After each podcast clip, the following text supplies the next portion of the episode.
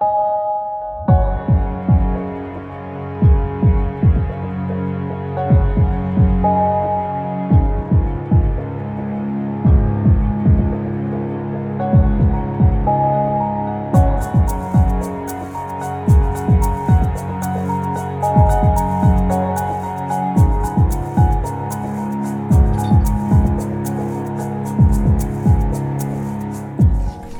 allemaal en welkom bij een nieuwe aflevering van Radio Savannah, de podcast van boekwinkel Savannah B. Ik ben Suzanne En ik ben Lola. en wij zitten hier naast mijn hond aan eh, de keukentafel in mijn eigen huisje in Lombok. Naast de boekenkast ook. Zeker. Maar met ons hart immer in boekwinkel Savannah B. De onafhankelijke boekwinkel in het centrum van Utrecht die gespecialiseerd is in feministische literatuur. Dat betekent voor ons zoveel als literatuur op het snijvlak van gender, queerness en postcolonial. En het is Poëzieweek. Woehoe! Yes! Dus wij dachten, eh wij wijden daar even een speciale aflevering aan. Onze eerste special Onze allereerste special. 2021. Over de Poëzieweek. Ja, de Poëzieweek is eh, elk jaar aan het einde van januari een week waarin poëzie in Nederland en België centraal staat. In het zonnetje gezet wordt. Het is toch eh, vaak een beetje een ondergeschoven kindje Ja. ehm, in, de, in de literaire wereld. Mhm. Dit jaar is het thema van de Poëzieweek samen. Ehm, en er komt een hele rits leuke activiteiten digitaal aan. Eh, ook van de B er aan mee met een speciaal poëziegeschenk geschreven door Hanneke van Eiken. Het heet Waar slaap van gemaakt is. En in dat poëziegeschenk zitten ook illustraties eh, van Pauline Foa. En eh, wij dachten, laten we ook eens eventjes kletsen over poëzie. Ja, want het voelt bij heel erg als een januari-genre. Is dat En zo? Als je dan toch poëzie gaat lezen, dit is zo'n moment van het is stil. Iedereen, ja, we zijn toch een beetje alleen met z'n allen. Het is toch niet lente weer, maar de kerst is al voorbij. Moment van rust, reflectie, toch januari? Ja, Poëzie. sure. Ja. Waarom niet? En we zeggen dit dus eigenlijk ook heel aarzelend, omdat eh, toen wij het hadden over het idee om een poëzie-special te maken, we eigenlijk allebei een beetje zo half schaamvol naar elkaar opbiechten. We lezen allebei eigenlijk helemaal nooit poëzie. Nee, heel weinig. Wat niet betekent dat we geen poëzieliefhebbers zijn. Moet meteen Praat eventjes... die eens even recht. Nou kijk, het zit zo. Ehm, ik denk dat er een verschil is tussen poëzie lezen en poëzie luisteren. En ik hou erg van poëzie luisteren in, ehm, als ik even voor mezelf spreek, eh, tijdens literaire avonden, als mensen dingen voordragen, als er, ehm, nou ja, een of als, als Ja. Op allerlei, zo ga ik niet verzinnen en eh, er mag voor mij wel een gedicht bij. En dan hoor ik graag dat iemand het voordraagt. Maar lezen is toch, ik weet niet. Ja. Er is een, er is een, ik ervaar een leesdrempel bij poëzie. Ja. Wat ehm, interessant is omdat ik mezelf wel identificeer als lezer. Dus ik, dan denk ik toch vaak als ik al een drempel ervaar, dan zal het voor, voor andere mensen die misschien überhaupt al minder lezen. eh, gewoon een, een dichte deur. Niet eens een drempel, maar gewoon een deur die, die gewoon dichtgesmeten is. Ja. ja, ik heb dus precies hetzelfde. Ik vind het heerlijk om naar poëzie te luisteren. Op avonden, maar ook bijvoorbeeld online. Ja. Als mensen eh, op Instagram poëzie delen, vind ik heerlijk. Maar ik zou nooit een Instagram gedicht gaan lezen als het voorbij komt op mijn feed. Nee. En ik heb precies hetzelfde dat ik denk, ik lees heel veel. Ik heerlijk lezen. Het is een van mijn lievelingsdingen om te doen. Eh, maar poëzie lezen, nee, eigenlijk niet. Ik denk de laatste keer dat ik echt een bundel heb opgepakt en ben gaan zitten, dat moet voor school geweest zijn. Oh, dat is echt sip. ja. We gaan met, we gaan met de billen bloot hier. waar, waar zit zo'n dat in?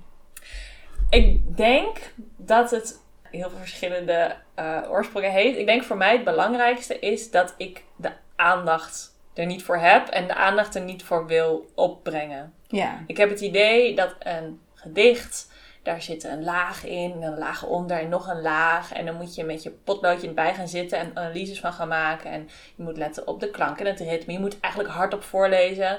En dan heb je uiteindelijk, na heel veel reflectie, heb je een half pagina tekst begrepen en gevoeld. ja. En dat voelt als een opdracht voor mij. Wat, wat wel gek is, want ik herken dat hoor, maar ik lees ook heel braaf mijn romans met een pennetje en een... eh, Heerlijk. ja. Ja, en dan ben Dus je dit- soms heel lang bezig en heb je een halve pagina begrepen. Ja. Geweldig, ja. Ja, dus er zit iets in die, in die poëzie die, die het, nou ja, voor ons en vast voor meer mensen toch wat, wat moeilijker maakt om, om het te lezen. Ik denk een andere belangrijke reden voor mij waarom ik niet tot poëzie werd aangetrokken, is het voelt voor mij op de een of andere manier heel individueel. En lezen is natuurlijk heel vaak heel individueel, want ik zit in mijn eentje een boek te lezen en ik, ja, ik schrijf misschien wat op. Soms bel ik een vriendin als het heel mooi was of ik praat met mijn podcast buddy daarover. maar het is ook individueel. Maar met, met een roman heb je in ieder geval nog het gezelschap van de personages. Met wie je Mm. pagina na pagina meeleest, steeds beter leert kennen, nieuwe kanten van leert, nieuwe evenementen in hun leven langsgaat. En poëzie voelt te vluchtig daardoor, te afstandelijk daarvoor. Dat, Ja. ja. Terwijl poëzie ook wel personages kan hebben en vertellers, of hoe zeg je dat? Ik- Ik-figuren, zeg maar. Ja, En een, eh, zeker in een bundel zit natuurlijk een, een boog en een ja. lijn. Ja, toch associeer ik het met leegte, ook de leegte op de pagina, al het wit. Wat je dan, waar je dan misschien iets mee moet. Het Ja. voelt, eh, het voelt veel onpersoonlijker voor mij. En dat is misschien ook het verschil tussen poëzie luisteren en poëzie lezen. Luisteren is altijd al een dialoog. Want iemand, ja, er is een mens die tot jou praat of zo. Ja. Ja, en er heeft misschien ook al, er zit al een bepaalde laag van interpretatie dan overheen. Mm. Want iemand heeft al een keuze gemaakt voor jou van hoe ga ik dit lezen. Ja. Waardoor het, het gevoel van dit kan over alles gaan. Ja. Ik moet hier wat bij. Dat is dan misschien al iets minder. ja, misschien dat het is. Nou dachten wij, goh, wij zijn vast niet de enige. Wat kunnen we nou doen om onszelf en wellicht ook andere mensen een, een beetje aan te sporen om toch wat vaker die poëzie in te duiken? Op wat voor manier dan ook. Misschien luister je dit en denk je, nou poëzie luisteren, dat is helemaal niet mijn ding. Dat doe ik nooit. Dan eh, is dit vast ons, onze aansporing om dat eens een keertje te gaan doen. Ja. Ehm, en toen dachten we van wie kunnen we nou advies krijgen daarover? Wie kan ons daarbij helpen? En toen was daar Ellen Dekwits, Savannah B. vriendin Mhm. en eh, dichter. Die voor eh, allerlei verschillende platforms, onder andere NRC, columns schreef over poëzie. En deze zijn vorig jaar gebundeld in het boek. Dit gaat niet over grasmaaien, hoe lees je poëzie? Uitgegeven bij uitgeverij Pluim. En Ellen geeft in dit boek eigenlijk antwoord op al je vragen. Ja. Alle, alle vragen die wij ook hebben van wat moet je nou eigenlijk met die witte, met al dat wit? Ja. En ehm, waar moet ik eigenlijk beginnen als ik in de poëzie wil duiken? Hoe lees je zo'n boek? Waarom is het überhaupt belangrijk? Wat moet ik eigenlijk met die poëzie? Ja. Kan ik dat niet gewoon links laten liggen en eh, vrolijk verder met mijn leven? Ja. En zij, maakt, zij geeft antwoord op die vragen en zij maakt zich in het boek ontzettend hard voor poëzie. En waarom het belangrijk is, wat het je kan brengen, wat het je eh, persoonlijk kan brengen, maar ook in je contact met andere mensen, in het nadenken over jezelf, de wereld, de toekomst, je, je verleden, Ja.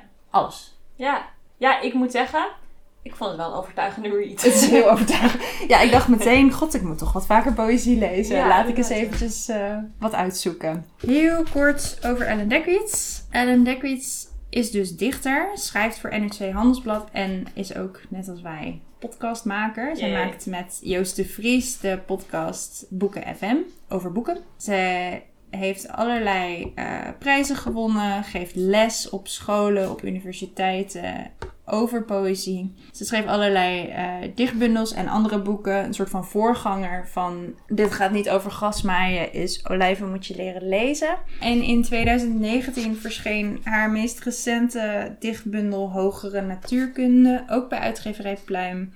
Over Ellen's Indische grootmoeder en haar familieachtergrond. Het belangrijkste argument, denk ik, dat eh, Ellen aandraagt in dit boek voor het lezen van poëzie en het waarderen van poëzie en toch even misschien die, die aandacht maken voor, voor poëzie, is dat ehm, poëzie je heel veel ruimte geeft en mogelijkheden geeft om ja, jezelf beter te begrijpen. Poëzie, zegt ze, is eigenlijk misschien nog meer dan andere soort literaire vormen een plek waar je met je eigen kader, je eigen belevingswereld en je eigen ideeën en vragen naartoe kan om na te denken over ja, hoe je de zaken eigenlijk ziet en wat het voor jou betekent. Ze vertelt in, het, eh, in, het, in de column, in het essay, hoe poëzie kan helpen om jezelf te begrijpen. Omschrijft zij, ehm, een voorval in haar, in haar jeugd, middelbare school, drama, paniek aan alle kanten. Eh, en toen las zij een, een gedicht, dat moest ze lezen voor Nederlands, wat haar eigenlijk woorden gaf voor eh, de situatie waar ze in zat. Dus ze zegt daarover: Doordat ik opeens kon verwoorden waar ik mee zat, kon ik het ook beter verwerken. Ik ontdekte dat poëzie je kan helpen om woorden te vinden voor zaken waar je al langer mee liep, maar die je niet te boven kon komen omdat je er niet over kon praten. Simpelweg omdat je er nog geen taal voor had. En dan ietsje later zegt ze: Die dag leerde ik dat het lezen van poëzie je kan helpen om nieuwe stukken van de wereld onder woorden te brengen en zo te incasseren. En eigenlijk door dit hele boek heen geeft, draagt zij situaties aan waarin poëzie de lezer, soms is zij zelf dat, op basis van persoonlijke ervaringen en anekdotes en soms algemener, je kan helpen om uh, woorden te geven voor dingen of taal te geven aan dingen die je misschien altijd al hebt geweten of gevoeld, intuïtief, maar nooit je vinger op kon leggen of nooit grip op kon krijgen. En doordat poëzie anders dan een roman wat opener kan, mhm. kan zijn en wat, wat je er wat meer op kan projecteren, is het eigenlijk een hele fijne vorm daarvoor. Ja, wat ze ook mooi doet, is dat ze zet um, dat idee van, oh, een gedicht is ingewikkeld en een soort puzzel die je op moet lossen. Dat draait ze eigenlijk om en ze zegt, er zijn heel veel verschillende betekenissen die je hieruit kan halen. Kijk wat bij jou aanslaat, waar jij intuïtief naartoe gaat met je lezing van dit gedicht. En focus daarop. Dat is wat dat gedicht nu voor jou betekent. En dat is ook dan de waarde voor, van dat gedicht voor jou nu. Dus het is een soort bevrijding van dat idee. Ja, en dan zegt ze wel van het betekent niet dat een gedicht overal over kan gaan. Dus daar slaat de titel van het boek ook op. Dit gaat niet over gasmaaien. Dat, je kan niet zomaar alles maar op een gedicht plakken. Maar het geeft je wel handvatten om, ja, om, om er vervolgens je eigen lezing op te projecteren. Ja. En dan zegt ze ook later in het boek, zegt ze ergens van... Het gaat er niet om wat je, wat je mist in een, in een gedicht. Dat je referenties niet snapt of dat, dat er iets... Dat, dat je er gewoon totaal geen aansluiting mee hebt. Maar het gaat erom wat je wel ziet. En dat is belangrijk. En dat is dan de lezing waar het om gaat. En dat kan dan ook veranderen. Een volgende keer dat je een boek leest, kan het over, of een boek, een gedicht leest, kan het over iets heel anders gaan. En dat is ook goed. Ja, en ze geeft ook een paar mooie voorbeelden. Wat ik denk heel veel mensen uh, afgelopen jaar hebben meegemaakt, is dat de wereld er wat anders uitzag en dat we andere betekenislagen gingen vinden in allerlei soorten kunst. Omdat we ons eenzaam voelden, omdat we afgesloten zijn, omdat ja, de wereld nou even niet zo eruit ziet zoals we hadden gehoopt dat hij eruit zou zien.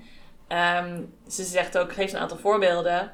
In quarantaine poëzie lezen vind je opeens weer allemaal nieuwe betekenissen van wat eenzaamheid is en wat eh, de grond is waar je op staat en wat hoop is, et cetera. Ja. ja, en dat kan je dan dus vervolgens troost bieden of begrip bieden of allebei. Of, of uh, een erkenning van dat, ja, dat datgene wat jij voelt, dat je daar niet alleen in bent. Ja, ja, ze, de, ze beschrijft een paar keer dat magische moment als je een gedicht leest en je denkt: dit gedicht is voor mij geschreven. Ja, dit gaat er voor mij. Ja, ja. en het, het voelt bijna als een soort uh, tienermeisjeservaring, weet je wel? Ja. Als je voor het eerst een, boek leest of een, uh, een liedje hoort. Wat precies jouw liefdesverdriet, of precies jouw relatie tot je moeder, of precies jouw relatie tot je lichaam. Dat je denkt van, oh, het is voor mij. Ik mag er zijn. Ja, en dat is, dat is uh, ik ben helemaal overtuigd. dat is makkelijk. ja, Ellen, je hebt me overtuigd. Uh, nee, ja, ze schrijft dat gewoon echt zo op dat je denkt, ja, inderdaad. De, de liefde, zeg maar, waarmee Ellen Dekwit schrijft over die momenten, zorgt wel dat ik nu heel graag zo'n moment wil hebben. Ja! En dat ik nu dus hoop dat als ik zo meteen begin met poëzie lezen, dat er dan ook een gedicht speciaal voor mij tussen zit. Ja, dat klopt. Dat hoop ik. Ja. Schattig, dat is wel echt heel erg waar. ja. Wie weet. Wie weet. One way to find out. Dat is wel waar. Een belangrijk speerpunt van haar argument over waarom we poëzie zouden moeten lezen, is dat het moment van herkennen en het, het, de vrijheid om te interpreteren zeg maar, naar jouw eigen ervaring uh, toe. Uh, ze geeft ook een aantal uh, besprekingen van zeg maar, tegenargumenten. Of uh, argumenten die mensen geven waarom ze niet poëzie lezen. Of daar geen aandacht voor willen maken. Of geen tijd voor vrij willen maken. En een van de belangrijkste argumenten die zij zegt hebben weer tegen te komen, is het idee dat poëzie veel te moeilijk is. En dat, uh, ik voelde me een beetje betrapt, maar dat is ook vaak het argument dat ik geef.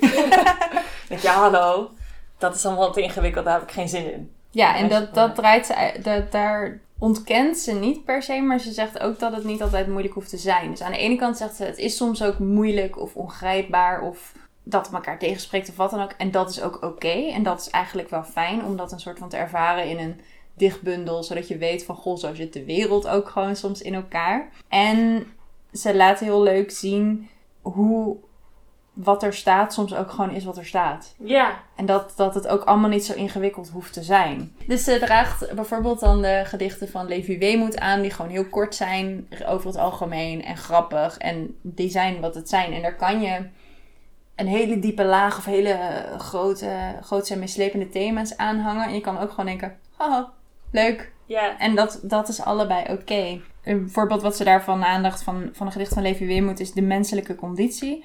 Dat je drinkt niet meer, want het is geweest. Jammer alleen dat gezonder leven zo schadelijk is voor je geest. Hm. Ja, nou, hm, Ja, is, toch, is leuk. toch leuk? Er is één hoofdstuk in deze bundel en die heet Waarom het niet alleen om symboliek draait, uitroepteken. Eh, en daarin verwoordt zij, eh, dat is een van de hoofdstukken waarvan ik echt even dacht, oh hier kan ik echt iets mee. Hier benoem je volgens mij wat voor mij een probleem is en een oplossing daarvoor.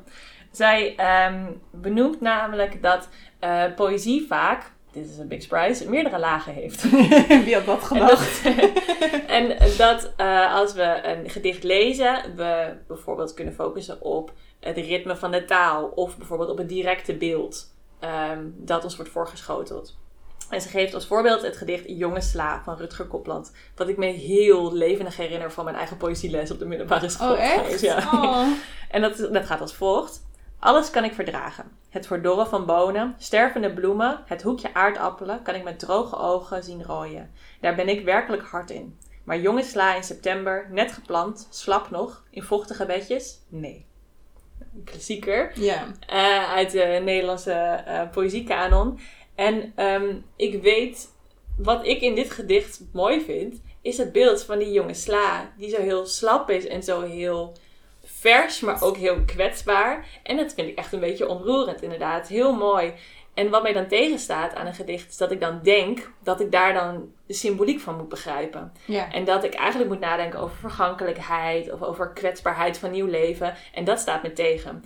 En wat Ellen Dekwits in dit essay laat zien, is dat we in de manier waarop we met poëzie omgaan, ook in het onderwijs, is dat we te veel de nadruk leggen op het idee van een diepere betekenis. En dat een diepere betekenis zoeken en vinden misschien heel waardevol is voor jou. Misschien heb jij daar heel veel behoefte aan. Misschien is het voor jou interessant. Misschien zet het je aan tot allemaal nieuwe ideeën. Prachtig. Maar het is niet de daadwerkelijke betekenis van een gedicht. Nee, het is niet, dat is weer die, die puzzel die je op kan lossen. Ja. Het is niet een soort van zoektocht naar de diepere betekenis en dan heb je het uitgespeeld, het gedicht. Ja. En dat is iets wat zij in dit essay eh, opschrijft en wat voor mij heel bevrijdend werkte. Dat soms gaat het gewoon over jonge sla. Ja, of soms gaat het voor jou over jonge sla. Ja, Prima. allebei goed. Ja. dus ze, ze schrijft, heel kort en bondig eigenlijk. De Amerikaanse dichter Billy Collins zei eens dat een gedicht altijd over minstens twee dingen gaat: het letterlijke en het figuurlijke. Ik ben soms bang dat er te veel naar het laatste wordt gekeken. Het gaat ook om wat er staat, de nuances waarmee je iets zorgvuldig formuleert. En als dat is waar jij plezier uit haalt, waar jij betekenis uit haalt, geweldig. Heb je het uit de diepere eh, laag? Prima Ja, kies, choose your player. En vind voor jou eh, waar je iets aan hebt in het gedicht. ja en dat maakt, het haalt de druk een beetje van de ketel. Ja. Zo'n zo'n zo'n eh, houding tegenover poëzie. Ja, Dan is het eigenlijk gewoon een boek wat je leest. Ja. En dat, ik, ja, Susanne kijkt me nu heel glunderend aan. op. Dat is wel heel fijn. Het, Ja. hoeft, het hoeft niet ingewikkeld te zijn. ja, dus dat was het essay eh, waar ik heel gelukkig van werd. Verwant aan het idee dat poëzie te moeilijk zou zijn, eh, ligt een ander eh, bezwaar dat mensen hebben tegen poëzie. En dat is dat poëzie te, zwaar is. Te, ehm, nooit gewoon eens over groepje sla kan gaan, maar altijd gelijk over vergankelijkheid moet gaan. of over de tijd, of over ruimte. En ehm, dat dat soort thema's niet altijd per se thema's zijn waar je zin in hebt of eh, aandacht voor wil maken. En dat is ook een ehm, bezwaar wat Ellen Dekwits heel mooi soort van ontmantelt en je van, je van bevrijdt van die verwachting. Ehm, ze heeft een eh, essay in deze bundel. Het heet Waarom poëzie regelmatig over zware dingen gaat. Wat ze eh, mooi doet in dat essay is niet per se ontkennen dat poëzie heel vaak over zware thema's gaat. Want soms als het over kropjes sla gaat, gaat het toch ook weer over vergankelijkheid. Ehm, maar wat ze zegt, het mooie daarvan is dat, zoals we net al besproken, je hoeft niet je blind te staren op die vergankelijkheid. Je kan gewoon mooie emoties hebben bij het idee van kropje sla. Ehm, maar als je wel geïnteresseerd bent in vergankelijkheid en in het idee van verloren jeugd of van kwetsbaarheid of wat voor soort diepere laag je ook in een bepaald gedicht ziet, uh, heb je hier een mogelijkheid om daar even over na te denken. En hoe vaak in het dagelijks leven krijg je die mogelijkheid eigenlijk? Als je in de trein zit, naar je podcast zit te luisteren. Nou, deze podcast geeft natuurlijk allemaal prachtige thema's aan. Maar als je uh, in je Zoom-meetings thuis op de bank aan het kletsen bent. Het is niet zo makkelijk om dat soort thema's ter sprake te brengen. En om daar bij stil te kunnen staan. En poëzie kan je die mogelijkheid bieden. En die hoef je niet altijd op te pakken. Maar het kan wel. En dat is een, ja, meer een, uh, het is geen taak, maar een, een mogelijkheid die poëzie ja, je biedt. Ja, dat een soort steuntje in de rug of zo ook. Daarvoor de ruimte in te bouwen in je dag of in je avond of wanneer je ook met je bundel op de bank zit. Dan kan het, is dat misschien ook iets wat je, wat we, wat ik, nou, voor mezelf spreken, uh, wat meer toe kan laten daarmee. Ja. In plaats van bij een fictieboek wil je toch ook gewoon weten hoe het verhaal afloopt. Ja, Of wil je het boek uitlezen of zo. En omdat poëzie toch wat vertraagder kan voelen, Mhm. eh, dat je wat minder van pagina naar pagina rent, is dus het omdenken wat zij hier doet, is ja, het gaat soms over zware dingen en is dat niet mooi? Mhm. En is dat niet fijn? En is dat niet handig bij het navigeren van de wereld? ja, dat vond ik ook een mooie druk van de ketel Ja. essay. Van ik dacht van, oh ja, het is misschien ook soms fijn om erover na te denken. Ik doe dat niet zo vaak. Ja. En, Eigenlijk is eh, het hele boek een soort druk van de ketelboek. Ja, dat is het. Ja. Dat wordt de, de nieuwe blurb. I know. De radio is ervan gezegd. Wat eigenlijk door het hele boek heen zit en in veel essays terugkomt, is dat Ellen ehm, veel les geeft over poëzie aan eh, met name jongeren, als ik het goed heb eh, onthouden. Ehm, dus in klassen en eh, tijdens corona in, aan, aan neefjes, nichtjes en andere jonge mensen in haar leven. En dat is heel erg leuk om te lezen, omdat zij daar heel grappig over vertelt. En omdat jongeren bij uitstek degene zijn die überhaupt weinig lezen en al helemaal geen poëzie lezen. Zij, beschrijft in, ehm, in een essay dat, dat heet Is er zoiets als young adult poetry? Beschrijft ze, oh je hebt voor kinderen heb je heel veel poëzie. Dus eh, Hans en Monique Hagen bijvoorbeeld, dat soort bundels. En kinderen die houden heel erg van dingen op rijm en woordgrapjes en dat soort dingen. Dan is er een gat en dan heb je weer voor volwassenen de zware kost over vergankelijkheid en kropjes sla. en er zit, dat, maakt het, dat kan het moeilijk maken voor jongeren in eerste instantie en zeker in het beeld wat om- rondom poëzie hangt, om een band op te bouwen met, met poëzie en gedichten. En zij, er zijn allerlei manieren waarop, waarop je daarmee om kan gaan en waarop je daar als, als volwassene en als docent uh, op in kan haken. Ellen die denkt heel erg na van, oh ja, wat, hoe geef ik antwoord op die vragen? En dat, daardoor lees je eigenlijk mee hoe zij de jongeren in haar omgeving overtuigt van het belang en de schoonheid en de lol van poëzie. Ja, en ik voelde me ook vaak in de positie van die kinderen. ja. Dat ik dacht, dat zijn inderdaad ook de vragen die ik heb. ja. En soms is het een beetje confronterend dat die gesteld worden door achtjarige neefjes. Maar ze geeft wel heel duidelijk antwoord. Ja, ze geeft heel duidelijk antwoord. En het is leuk omdat je inderdaad in die positie zit, maar ook tegelijkertijd in de positie van een volwassene die Ja. overtuigd is, die al mee is met, oh ja, poëzie is belangrijk, maar misschien niet altijd voelt of weet te verwoorden. Ja, Een van de manieren waarop Ellen Dekwits in dit boek nadenkt over hoe kun je poëzie toegankelijker maken, is door ook in te gaan op eh, fenomenen als Insta-poetry. Dus poëzie die geschreven is door, of nee, voor Instagram. Dus die als tekst, als een soort foto op Instagram geplaatst wordt. En ehm, daar ook serieus over na te, doen, te denken. Dus niet te denken van, "Pff, dat zijn die sukkels op Instagram. Maar ook te kijken van, oh ja, het zijn ontzettend succesvolle dichters die ook een, ehm, functie hebben in een soort van eerste stap kunnen zijn in, het, in de ontdekkingstocht van met name dan dus jongeren. In mijn Ja. zoektocht naar poëzie. Ze geeft een voorbeeld van, van Insta-gedichten. Dus eh Rupi Kaur, Amanda Lovelace.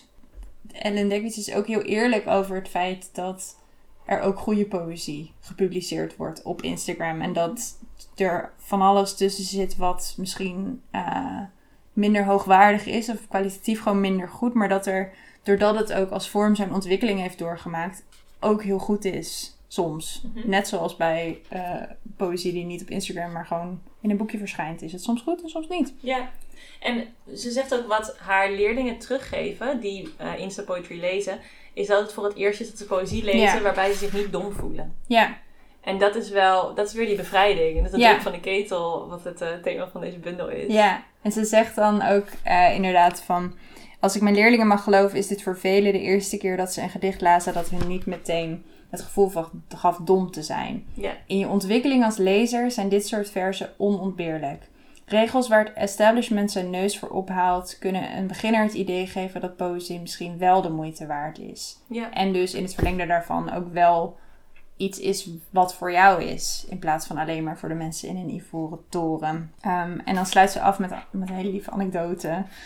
Een van mijn eigen leerlingen, die via Instagram gedichten stuitte op het werk van oudere dichters, zei onlangs dat het maf is dat Sylvia Plath geen Instagram-account heeft.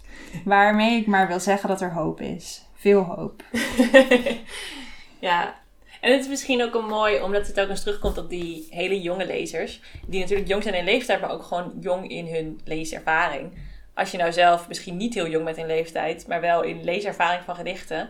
Misschien is het ook prima om bijvoorbeeld met Insta Poetry te beginnen. Ja, Of niet per se de meest hoogdravende eh, poëzie uit de kast te pakken. Maar kijk wat poëzie is waar jij nu iets mee kan. Waar jij je niet dom bij voelt, maar waar je je juist verbonden door voelt. Of geïnspireerd door voelt. En eh, ja, dan kan je steeds een beetje meer leren poëzie te lezen. Dit was het einde van deze aflevering. Het is een speciale aflevering van Radio Savannah ter ere van de Poëzieweek. De hond van Suzanne is er ook heel blij mee. Het kan zijn dat je die hoort op de achtergrond. Ben je nou benieuwd geworden naar het boek van Ellen? Dan kun je die natuurlijk bestellen bij Savannah B in de webshop. En dan word je hopelijk, eh, als je dat nog niet was, enorm aangespoord om, om wat, te gaan, wat te gaan proeven aan poëzie. En, eh, en daar verder meer in te lezen. En wat is een mooier moment Nou, dan de poëzie? dit is toch, dit is toch fantastisch? Kan, nu, eigenlijk kan je nu niet meer anders. Eigenlijk niet, nee. Nee. Ehm, als je benieuwd bent, je hebt, je hebt Ellen de boek uit en je denkt, nou fantastisch, poëzie lijkt me leuk. Dan kun je naar de webshop van Savannah B gaan. Daar kun je selecteren dat je wil bladeren in, onze, eh, in ons aanbod poëziebundels. Doe dat. Er staan allerlei hele mooie dingen tussen. En als je dan denkt, goh, ik weet eigenlijk niet of dat wel wat voor mij is. Dan kun je bellen, mailen, zoomen met de winkel. En dan ehm, gaat iemand in de winkel jou er even doorheen praten. Misschien een stukje voorlezen. Sure. Iets voordragen. We zullen zelf ook nog wat tips geven in de show notes van bundels die wij eh, mooi vonden. Of waar we een mooi optreden van hebben gezien. ja. waar we, toen we het hoorden, waar we daar heel erg blij mee waren. Eh, en dan heb je hopelijk een, eh, een soort stappenplan. Yes. Een startpunt. Nou, als je daar allemaal doorheen bent, dan kan je rijkhalsend uitzien naar volgende week donderdag. Ja. Onze nieuwe aflevering van Radio Savannah. Dan willen we heel graag bedanken Rieke Blom voor het maken van onze logo.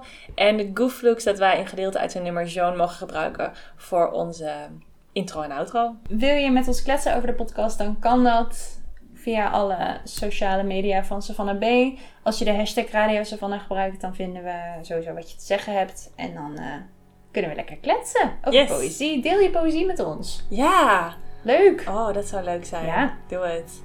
En dan eh, zien we jullie eh, volgende week.